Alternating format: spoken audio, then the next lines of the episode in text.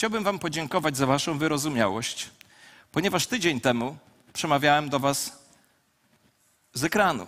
A to nie dlatego, że nie chciało mi się przyjść, po prostu mieliśmy wyjazd służbowy, konferencyjny, gdzie ważny dla naszego kościoła. I ja nie chcąc zostawiać Was bez kontynuacji tego tematu, nagrałem go po prostu wcześniej. I dziękuję, że rozumiecie to, że to nie jest wyraz, nie wiem, braku szacunku, lenistwa czy czegokolwiek innego, wręcz przeciwnie. Poszanowania i tego, że nie chcę, żebyśmy tracili ciągłości, bo temat jest niezwykle ważny. Chcę Was uprzedzić, że to się jeszcze może zdarzyć w tej serii, ze względu na wydarzenia, które mają miejsce za wschodnią granicą, które dzieją się w ogóle na świecie. Odkrywamy pewne pilności, które muszą zostać, ale nie chcąc przerwać tej kontynuacji, będę nagrywał te kazania po to, żebyśmy mogli z nich korzystać, uczyć się. Ktoś może powiedzieć, no czy inny pastor nie może wygłosić? Może, ale ja się obawiam, że po pierwsze zrobi to lepiej niż ja. To jest bardzo poważna obawa, a tak poważnie mówiąc, też, też poważnie, pierwsze też było poważnie, to jeśli, jeśli kaznodzieja czymś żyje, to nie zawsze jest tak, że drugiemu kaznodziei jest łatwo to przekazać. Stąd robimy to w taki sposób i jeszcze raz Was proszę o, o wybaczenie, że nie na żywo czasami, to się zdarza naprawdę raz na parę lat, tylko w taki sposób. Praszyła preścienie, jak to mówią nasi przyjaciele.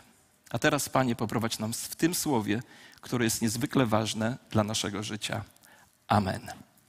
Kochani, kontynuujemy serię pod tytułem Wznieś, Wznieś się ponad.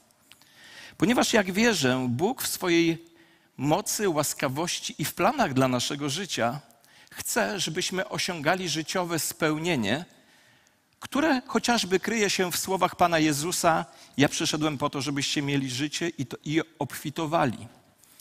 To kryje się także w słowach, które wypowiedziane są w Starym Testamencie, że ci, którzy ufają Panu Bogu, wzbijają się na skrzydłach w górę jak orły.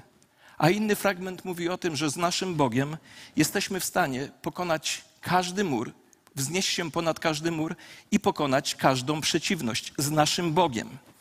A dzisiaj będziemy poruszali bardzo ważny temat, który dotyczy niemalże każdego z nas, jeśli nie, nie każdego z nas. Ale pozwólcie, zacznę od cytatu z Wojciecha Młynarskiego, a nie z Pisma Świętego, ale do Pisma Świętego przy, przejdę i będzie go więcej niż Młynarskiego. Na pewno znacie, wolałbym to zaśpiewać, ale nie mam aż tak dobrego głosu, ale uparcie i skrycie. Och życie, kocham cię, kocham cię nad życie. Napisał Wojciech Młynarski. Bo w duszy każdego z nas jest głęboko zakorzeniona miłość do życia. No oczywiście, możemy jako chrześcijanie zacytować jedną z wypowiedzi, która mówi, że kto życie swoje kocha, to utraci i tak dalej, ale w tym kontekście o to nie chodzi. Sam Jezus, jak już mówiłem, podsumowując swoją ziemską misję, powiedział: Ja przyszedłem, aby owce miały życie, bo o takim życiu mówimy, Bożym, i to życie w całej pełni. I choć pragnienie Jezusa dla nas to życiowe nasze spełnienie, to jednak wielu ludzi, w tym niestety wielu chrześcijan, jest całkowicie znudzonych życiem. A nuda to połączenie znużenia, apatii, często niefrasobliwości, które powodują, że człowiekowi po prostu nic się nie chce. A synonim nudy to posępność, brak wyrazistości, letarg i monotonność. Do, dla znudzonej osoby świat rysuje się w szarych barwach. A chcę Wam, chrześcijanie, powiedzieć, że Pan Bóg stworzył świat różnokolorowy. Tęcza też jest Jego dziełem. Nie należy tego zapominać. On jest Bogiem twórczym. A kiedy jesteś znudzony, to nie masz nic do zrobienia, ponieważ nie widzisz, żeby cokolwiek miało jakiekolwiek znaczenie. A Twoja najczęstsza odpowiedź na różnego rodzaju propozycje jest mi wszystko jedno. Albo jeszcze gorsze wydanie, nie uda się. Wiecie, istnieją dwie główne przyczyny naszej nudy. Pierwsza to nadmierna stymulacja. My żyjemy w społeczeństwie, które zachęca nas do wiary, że więcej znaczy lepiej. Kiedyś poświęciłem całe nauczanie na ten temat. więcej nie znaczy lepiej. Wierzymy, że jeśli odrobina czegoś jest dobra, to większa ilość jest jeszcze lepsza. Widzimy to także w związkach, gdzie ludzie często zmieniają partnerów. Widzimy to w presji ciągłego wspinania się po drabinie kariery, sukcesu. Więc ludzie przeskakują z jednej pracy do drugiej, mając nadzieję, że znajdą w końcu idealne miejsce, przeprowadzają się z miasta do miasta, wędrują od kościoła do kościoła, a reklamodawcy, zarówno telewizyjni, a także i kościelni, często żerują na tej tendencji, zachęcając nas do zmian, nie zawsze korzystnych, lub do kupowania coraz więcej nowych rzeczy pod wpływem impulsu, teraz, już, natychmiast. Drugą przyczyną nudy jest brak zaangażowania. Zbyt wiele osób żyje na poziomie 20%, 20% zaangażowania. Wiecie, co wykazują badania na przykład dotyczące kościoła? Okazuje się, że w kościele 20% ludzi wykonuje 80% pracy kościelnej.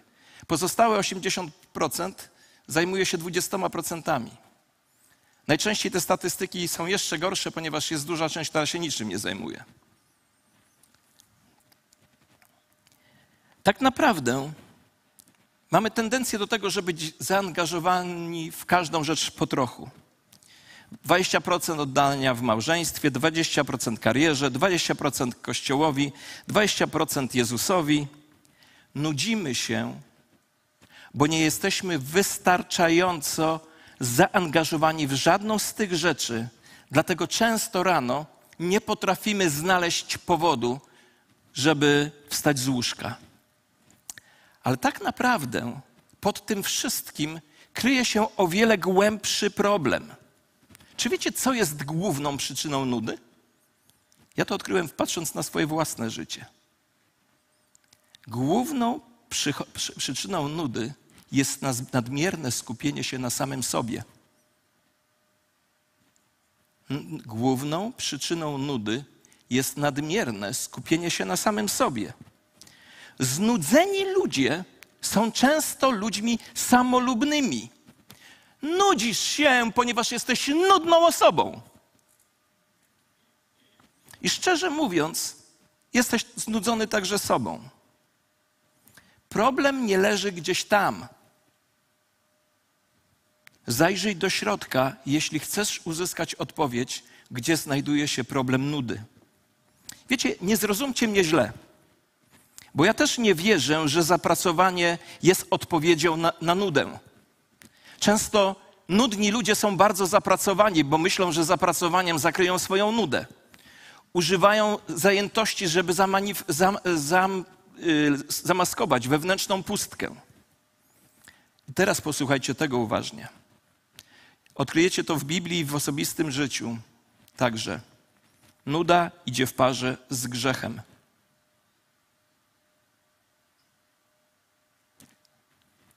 Nuda jest chorobą duszy. Jest znakiem ostrzegawczym od Pana Boga, że w Twoim sercu jest choroba. Dawid nudził się pewnego dnia. Król Dawid. Nuda jest oznaką, że w Twoim sercu jest choroba, z którą powinieneś się zmierzyć. Nuda to znak, że Twoje życie zmierza w złym kierunku. Jak więc przezwyciężyć nudę? Bo wiecie, przezwyciężenie nudy, ja, ja to odkryłem we własnym życiu. Przezwyciężenie nudy wymaga zmiany sposobu podejścia do każdego pojedynczego dnia. Aby znaleźć biblijną odpowiedź na to, jak wznieść się ponad nudę, posłuchamy połączenia dwóch wierszy z Biblii. Wiecie, człowiek, który mnie zainspirował swoim kazaniem do tego, co się dzisiaj dzieje, odkrył przede mną dwa teksty Biblii, które po połączeniu dały mi trochę szerszy obraz. Posłuchajcie. Pierwszy wiersz to będzie Księga Kaznodziei Salomona, dziewiąty rozdział, dziesiąty wiersz. Drugi wiersz będzie z listu apostoła Pawła do Kolosan, trzeci rozdział, siedemnasty wiersz. Bo te dwa wiersze połączone ze sobą pokazują nam, jak wznieść się ponad nudę, jak pokonać nudę. I posłuchajcie. Nudę pokonujemy poprzez, po pierwsze, robienie tego, co jest na wyciągnięcie ręki. Będziecie zaskoczeni, ale za chwilę przeczytam wam mój, jeden z moich ulubionych wierszy Pisma Świętego. Inaczej mówiąc, robienie tego, co trzeba zrobić, a co akurat stanęło na naszej drodze. To, co trzeba zrobić. Wszystko, cokolwiek Twoja ręka postanowi czynić. Czytamy w Księdze Kaznodziei Salomona. A inny przykład mówi, na co natknie się ręka Twoja, aby zrobić, to zrób. Na co natknie się ręka Twoja, aby zrobić. Nie na co natknie się, na wszystko, na co się natknie ręka Twoja, to zrób, tylko na co cię natknie ręka Twoja, aby zrobić, to zrób. Inaczej mówiąc, zrób to, co należy zrobić, a co stanęło na drodze Twojego życia. Dla mnie drobnym przykładem dla mojego życia jest to, że jak wracam czasami po nabożeństwie, jak już wszyscy wyjdą z sali, wracam po nabożeństwie, tutaj idę sobie korytarzem i widzę kubek pozostawiony, to się ja na niego natknąłem, to znaczy, że ja mam to zrobić. I ja się pochylam i ja to robię. Nie szukam, kto tam siedzi, chociaż mniej więcej wiem, ale to jest do zrobienia przeze mnie. Natknęła się na to moja ręka, to trzeba zrobić, bo ktoś się inny potknie i jeszcze z głowę rozwali. A to taki banalny przykład. Inaczej mówiąc, zrób to, co należy zrobić, a co stanęło na drodze Twojego życia. To jest, jak już mówiłem, jeden z moich ulubionych fragmentów, bo on uczy mnie bowiem, że bez względu na to, jak dobrze zaplanowany jest mój dzień, to zawsze pojawia się coś nieoczekiwanego, pojawia się tysiące propozycji różnorodnych, które będą walczyć o moją uwagę, o moją czas, o moje zaangażowanie. Ale kiedy jednak tak się stanie, to ja, nie bacząc na przeszkody, mam robić swoje. Mam robić to, co ja mam zrobić, to, co do mnie należy. To dobra rada. Róbmy swoje. Róbmy swoje. Pewne jest to jedno, że róbmy swoje, póki jeszcze ciut się chce. Dlaczego? Bo nie jedną jeszcze paranoję przetrzymać przyjdzie robiąc swoje. Kochani, róbmy swoje. Róbmy swoje, żeby było na co? Żeby było na co? Żeby było na co? Wyjść. Wojciech Młynarski, nie Biblia. Ale kiedy spojrzymy na to dogłębniej, widzimy także, jak ważne jest sumienne wykonywanie naszych codziennych życiowych obowiązków. Wiecie, ja osobiście wiem, że łatwiej jest żyć jutrem. Ja jestem od urodzenia dyziomarzyciel. Ja całe życie marzę. Ale ja marzę i spełniam marzenia. Robię to, o czym marzę. Odkrywam to, że łatwiej jest żyć jutrem, łatwiej jest mieć tak zwane sny o potędze, Pamiętam kiedyś zatrudniliśmy robotników w jednej z naszych budynków kościelnych, żeby dokonali remontu. Pamiętam ten dzień, kiedy przyszli, usiedli na schodach i rozmawiali ze sobą, jak to pięknie i szybko będzie. I pamiętam, jak następnego dnia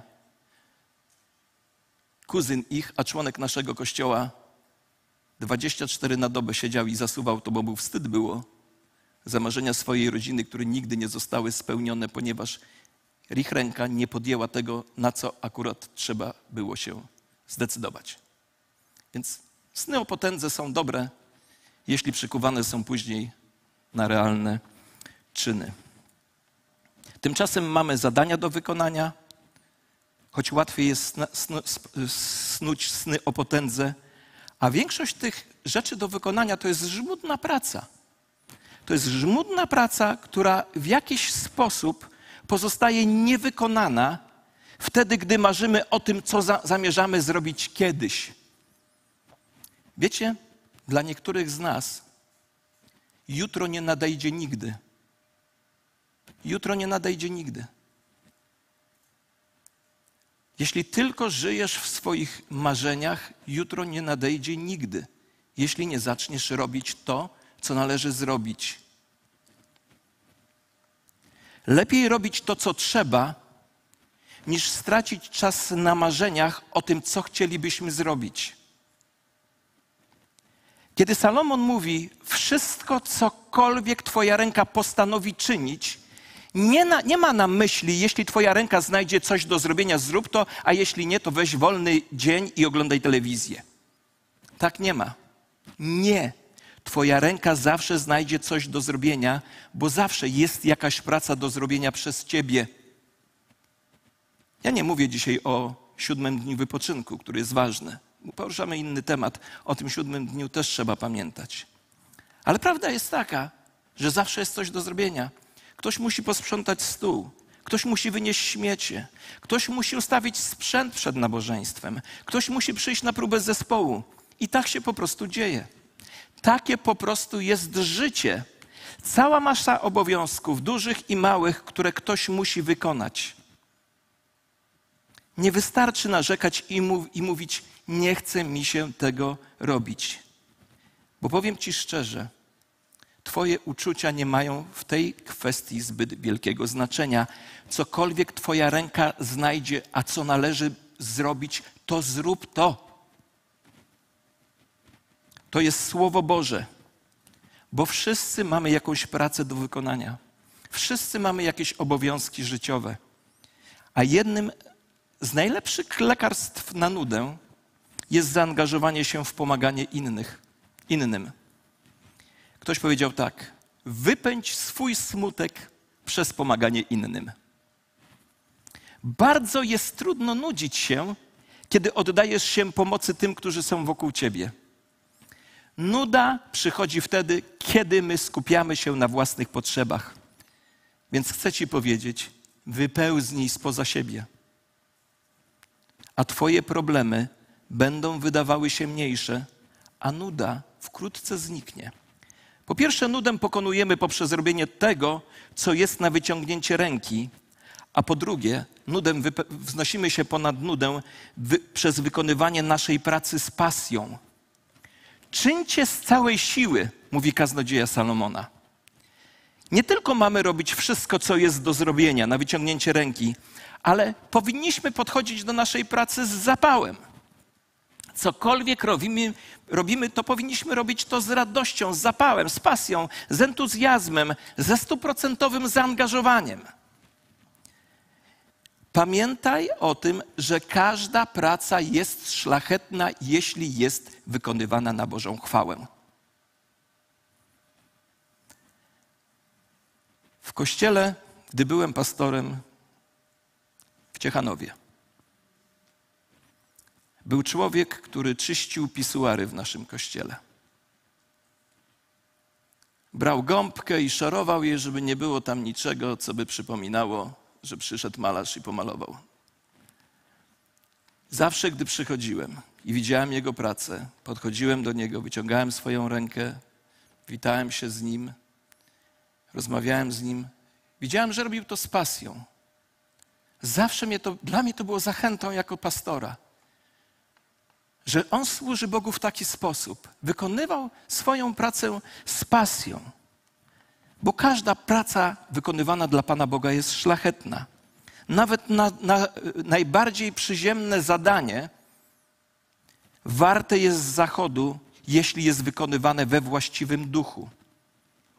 Nie musisz lubić swojej pracy każdego dnia.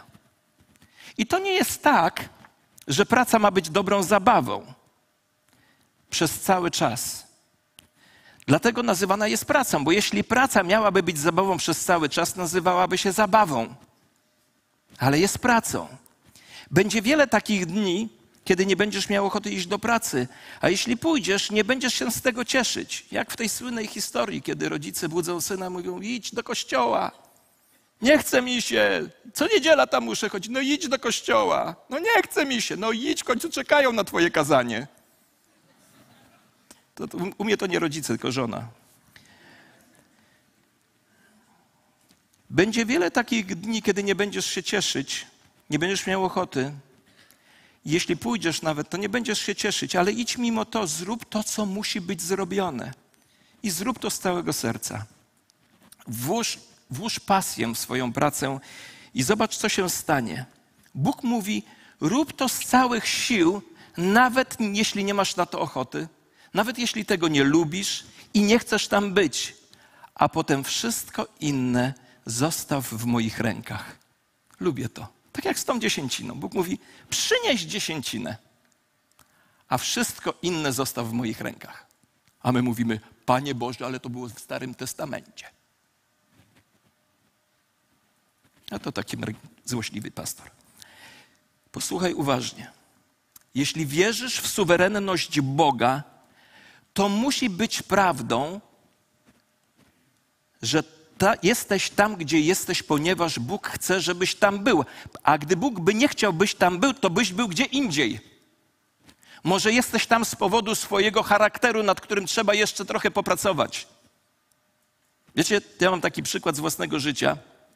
Ja jestem niespotykanie spokojny człowiek, mnie choćby kto na język nacisnął, nic złego nie powiem. Jak bohater tego filmu, którego cytuję. Gdy szedłem do seminarium, wiecie, to byłem świeżo nawrócony, pobożny, więc modlę się, Boże, daj mi takich ludzi do pokoju w, w akademiku, żebym mógł wzrastać przy nich duchowo i tak dalej. No i Bóg mi dał. I dziękuję Bogu bardzo, bo to mój charakter się zmienił. Bo to mój charakter się zmienił. Byłem tam, ponieważ Bóg chciał, żebym był z powodu Jego celu dla mojego życia, a tym celem głównym jest przemiana charakteru na podobieństwo Jezusa. A jeśli On zechce, żebym był gdzie indziej, to będę tam. Jeśli w to wierzysz, to możesz wykonywać każdą pracę z zapałem mimo złej sytuacji, tak jak dla Boga, dla Jego chwałę. Wznosimy się ponad nudę przez robienie tego, co jest na wyciągnięcie ręki. Po drugie, wznosimy się ponad nudę przez wykonywanie naszej pracy z, pas z pasją. I po trzecie, wznosimy się ponad nudę, rozważając nad znikomością życia. Bo ten wiersz mówi dalej: Nie ma bowiem żadnej pracy, ani zamysłu, ani wiedzy, ani mądrości w grobie, do którego zmierzasz.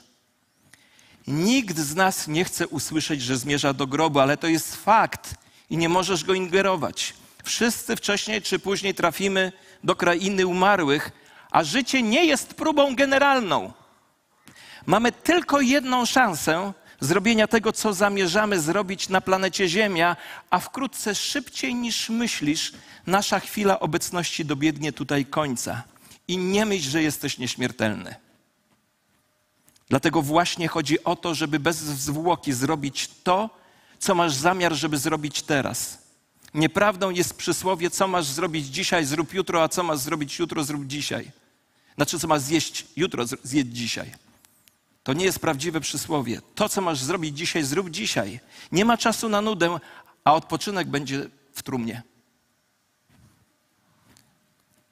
Nad nudę wznosimy się ponad nudę wnosimy się przez robienie tego, co jest na wyciągnięcie ręki.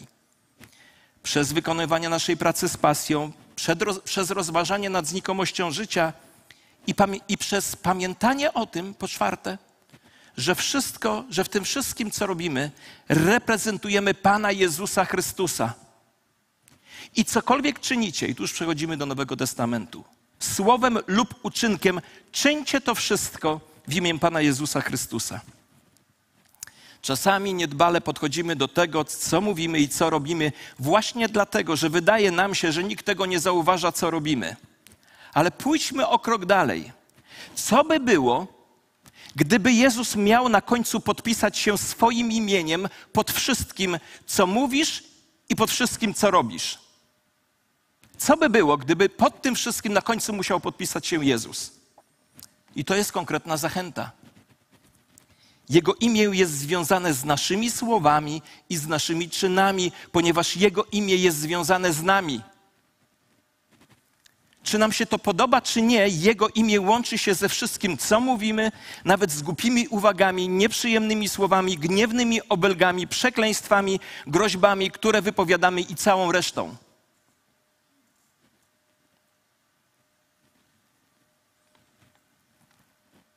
Wiecie, czasami ludzie zrywają ze sobą relacje. Wierzący ludzie zrywają relacje ze swoimi bliskimi, wierzący rodzice często z dziećmi na skutek jakiegoś zdarzenia, czy wierzące dzieci z rodzicami, bo się poczuli urażoni. Jeśli wierzący to robi, to niewierzący myśli tak. To taki jest Jezus. Taki jest Jezus. Bo to jest jedyny Jezus, którego nie widzą. Jezus zerwał ze mną relację. Jezus nie odpowiada na moje próby pojednania. Tak to widzą. Czuję, że to muszę dzisiaj powiedzieć dla kogoś z Was, kto słucha, czy kto siedzi tu na sali. Bo reprezentujemy Chrystusa w ich oczach. Czy nam się to podoba, czy nie? Jego imię jest łączone ze wszystkim, co mówimy. Jego imię kojarzy się z naszymi skargami, kojarzy się z naszymi wymówkami, przechwałkami, kłamstwami, pochlebstwami, kompromisami, lenistwem, nieuczciwością, a nawet najgorszymi grzechami, jakie możemy popełnić. Imię Jezusa idzie z nami wszędzie, gdzie idziemy. Dziwimy się Żydom, że nie chcą Mesjasza Jezusa?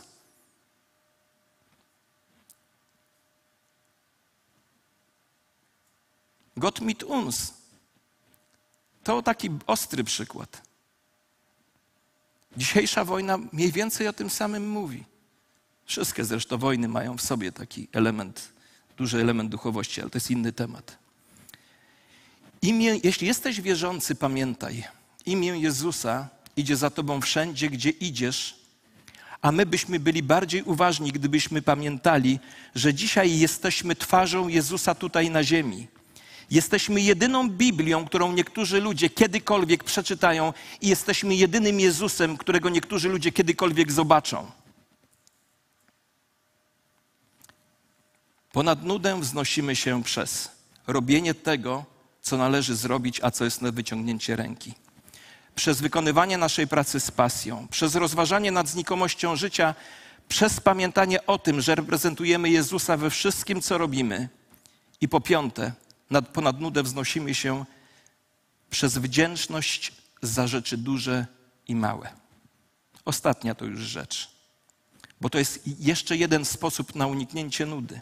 To jest pielęgnowanie wdzięcznego serca we wszystkich okolicznościach naszego życia. Dlatego apostoł Paweł mówi: dziękując Bogu i Ojcu przez Pana naszego Jezusa Chrystusa, przez Niego.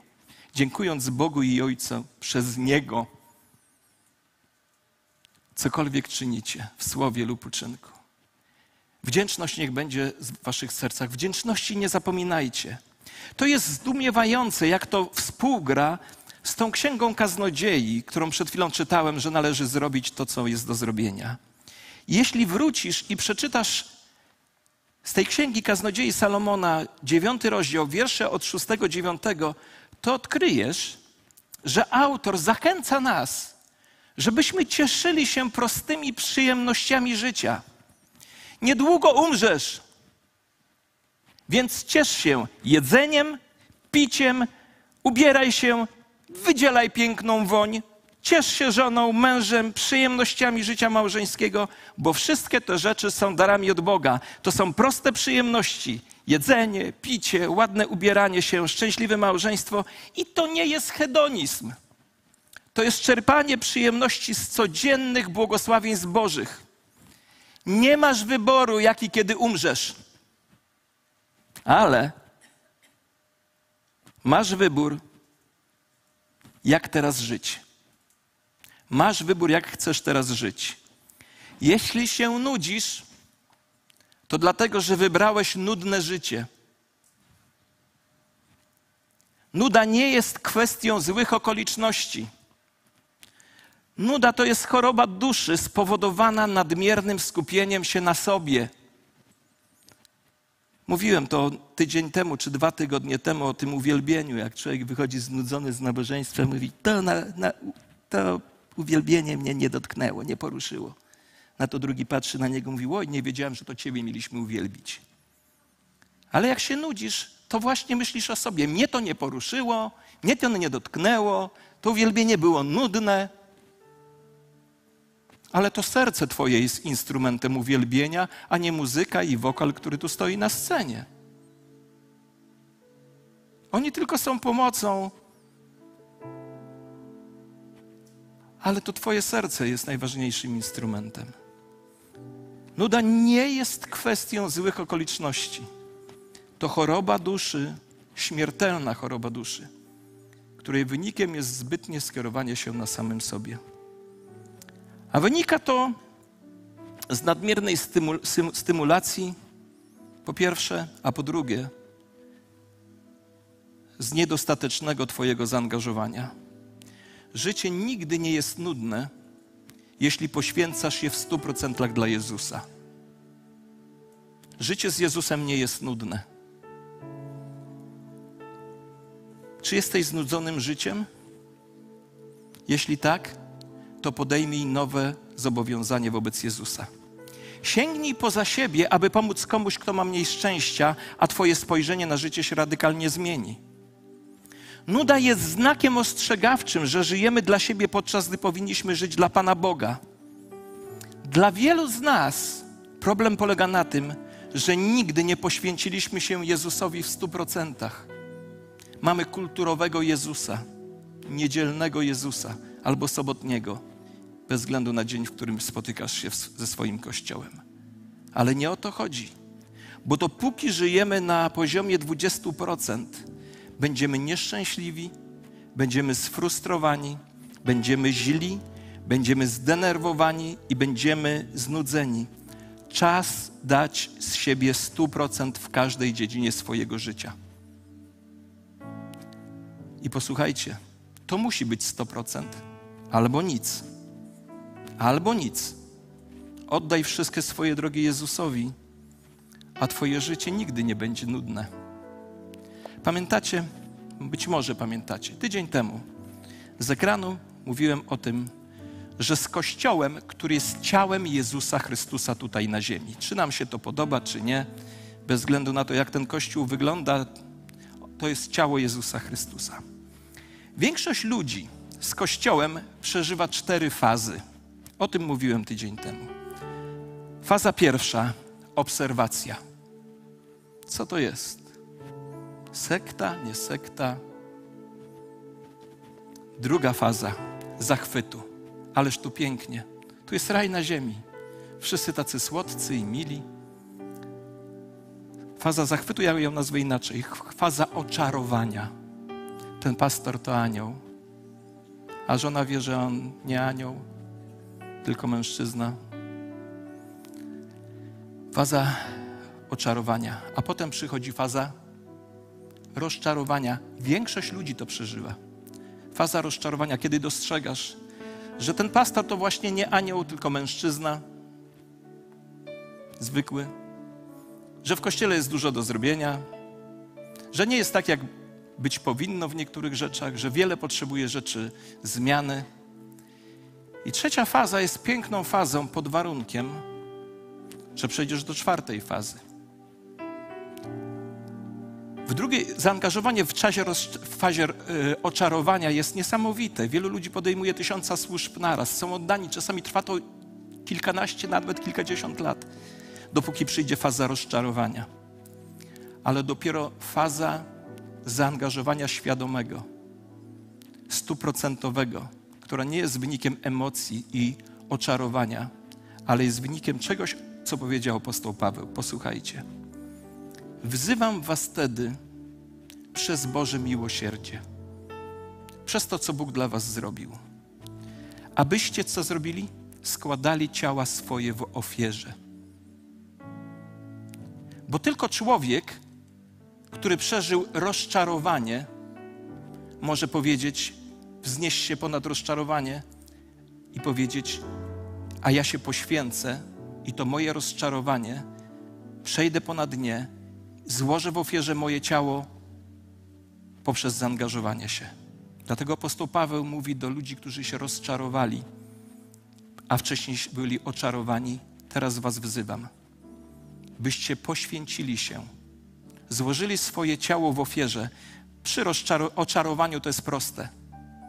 Przy, w trakcie rozczarowania jest to trudne, dlatego wymaga ofiary, poświęcenia. Wzywam Was przez miłosierdzie, czyli przez to, co zrobiłem dla Was, abyście składali ciała swoje na ofiarę żywą, świętą, miłą Bogu.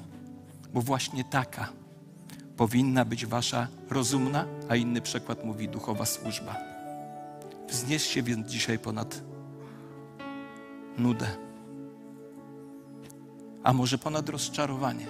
Czas już przestać być rozczarowanym, a złożyć swoje ciało w ofierze i wznieść się ponad nudę, ponad za, przez zaangażowanie. Pochylcie swoje głowy w modlitwie.